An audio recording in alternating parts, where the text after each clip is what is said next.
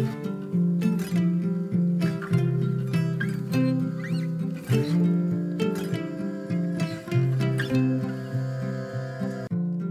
och välkommen till For Health med Anna Sparre! Idag pratar vi om skräp och avfall i dina celler, skadade och förbrukade proteiner och annat.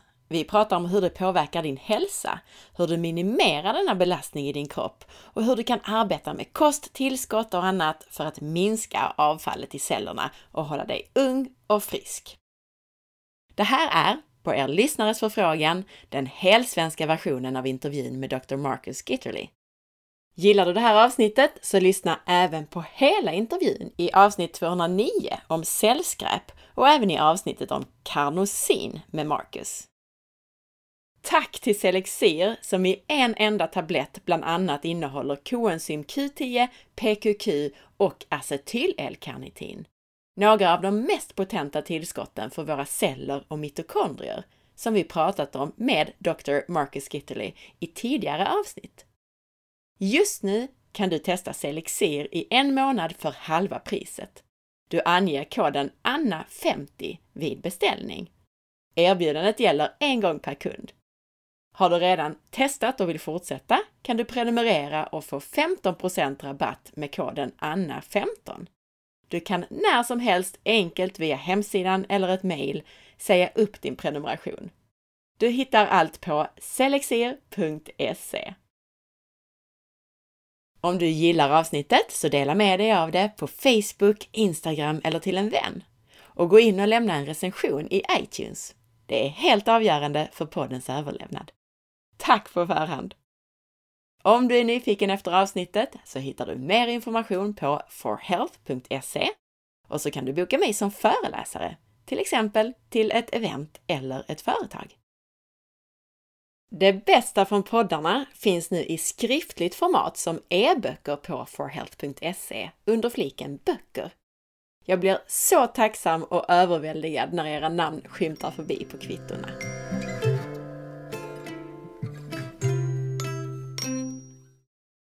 Vår kropp består av celler och varje cell är en komplicerad struktur. För att hitta svaren till åldrande och sjukdom så behöver vi titta på vad som händer inuti cellerna. Varje cell är ett eget litet system som behöver producera energi, producera nya delar och komponenter och sköta sina andra funktioner, inklusive att städa upp och göra sig av med soporna. Och vi måste förstå att cellerna är väldigt dynamiska. De är inte som en statisk maskin eller en bil. Så varje del i cellen är dynamisk och underhålls eller byts ut konstant. När en struktur går sönder inuti en cell så måste cellen ta hand om den.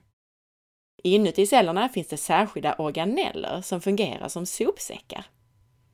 Om vi tittar på en del människors celler när de åldras så är de fulla med sådana här sopsäckar med trasiga molekyler. Ofta är det här skadade proteiner.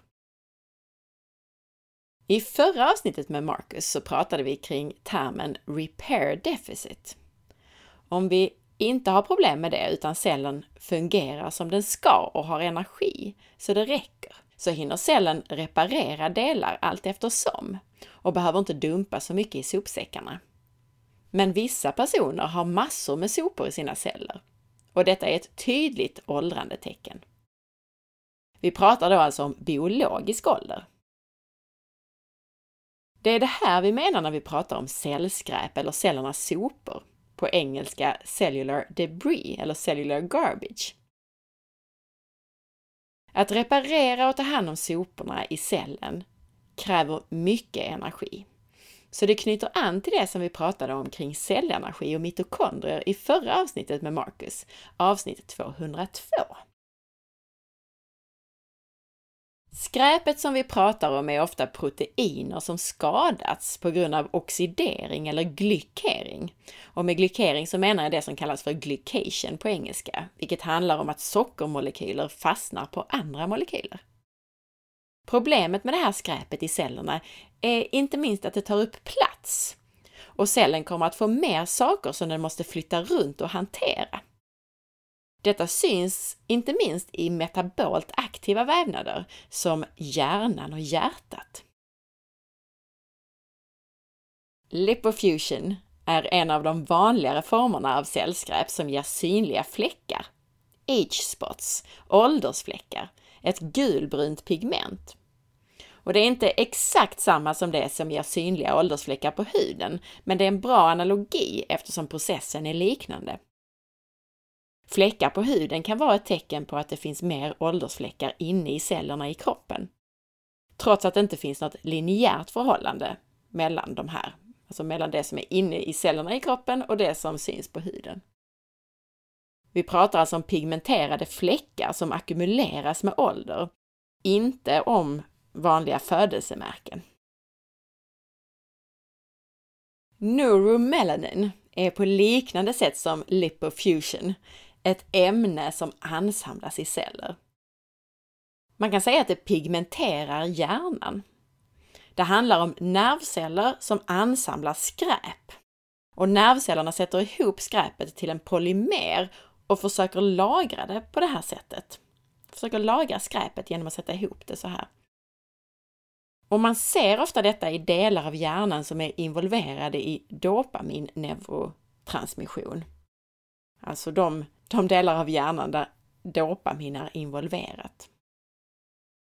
Och det korrelerar med hjärnans åldrande, det här ämnet neuromelanin.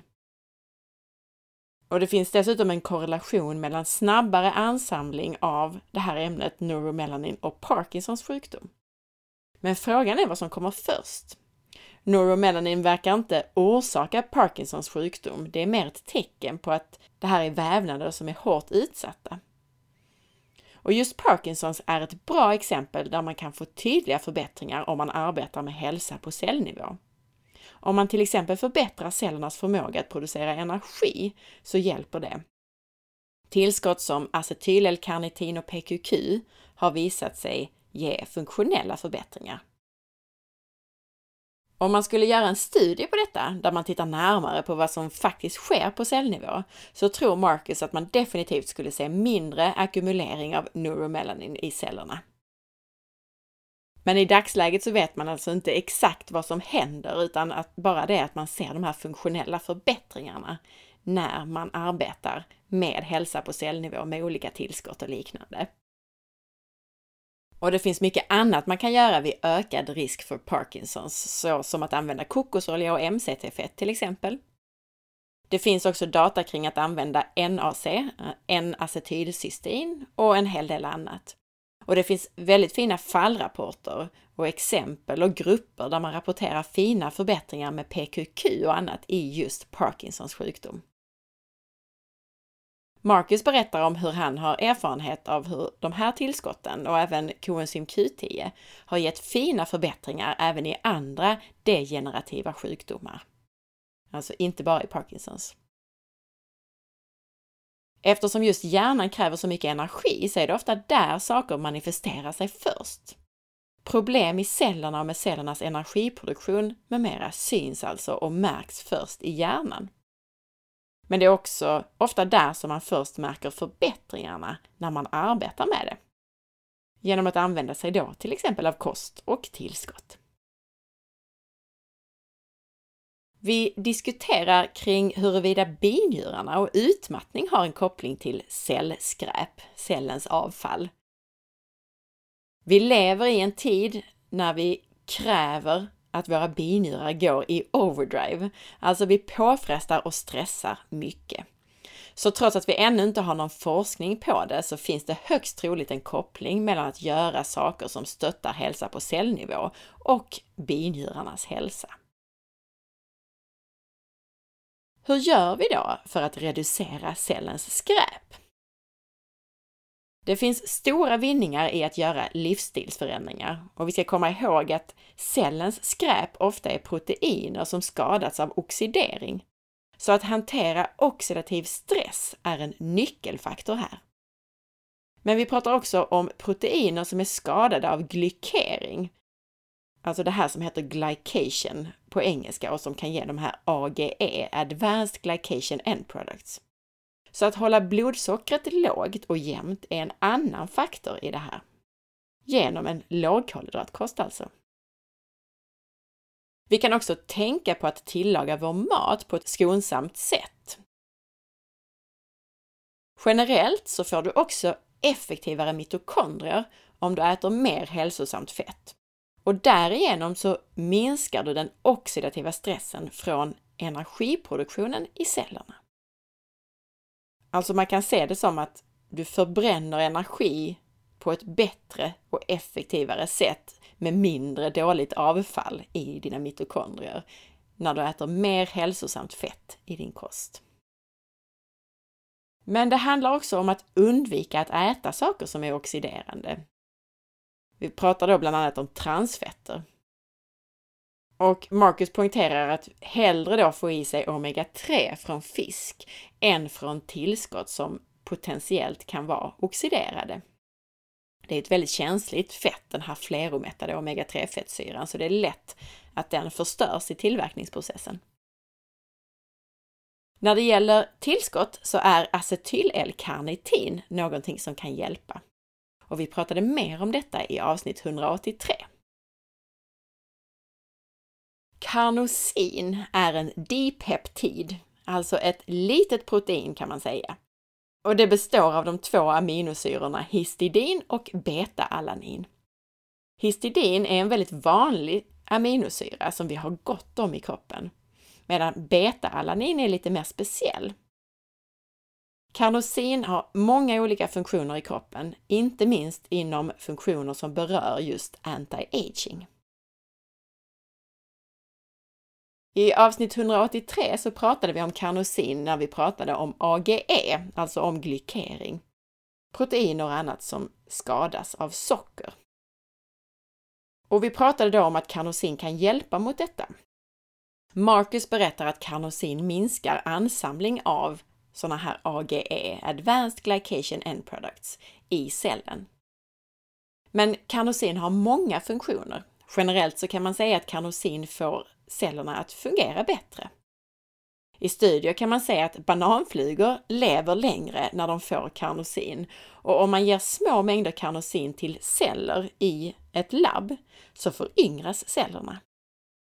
Tidigare pratade vi om mitokondrier med Marcus och karnosin kan även förbättra mitokondriernas funktion.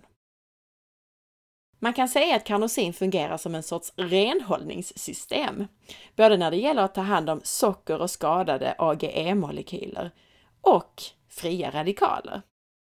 Man tror att det är den här egenskapen, att det kan minska oxidering och fria radikaler, som gör att det är bra för mitokondrierna. I mitokondriernas energiproduktion så sker det ju ofrånkomligt en massa oxidering och bildas fria radikaler. Och överlag så är karnosin bra mot olika sorters oxidering, alltså fria radikaler, som annars kan skada viktiga molekyler i kroppen. Och det är just detta som man tror är anledningen till att karnosin kan minska cellernas avfall och påverka så många delar av din hälsa. Karnosin har positiv inverkan på allt från diabetes och njursjukdom till åderförkalkning och hjärnan, Alzheimers.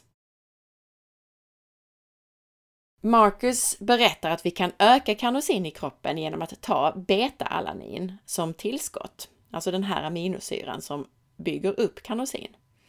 Det blir lite billigare än att ta karnosin som sådant.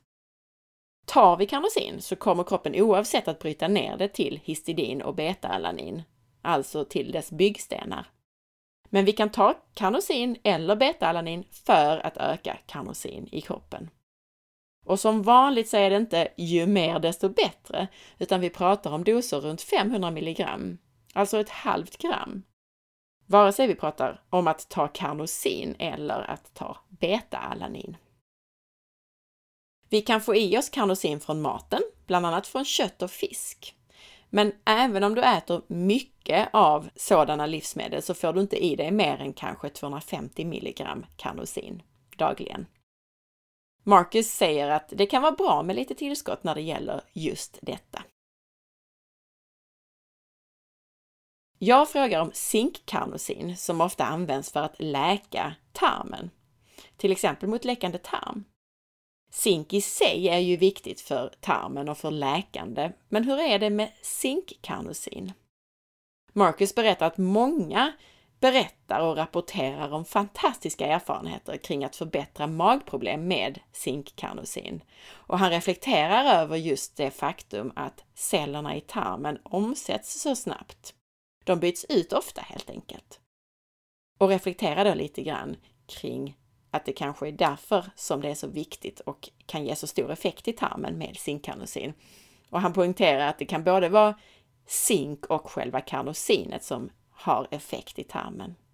Antagligen en synergi mellan de här ämnena.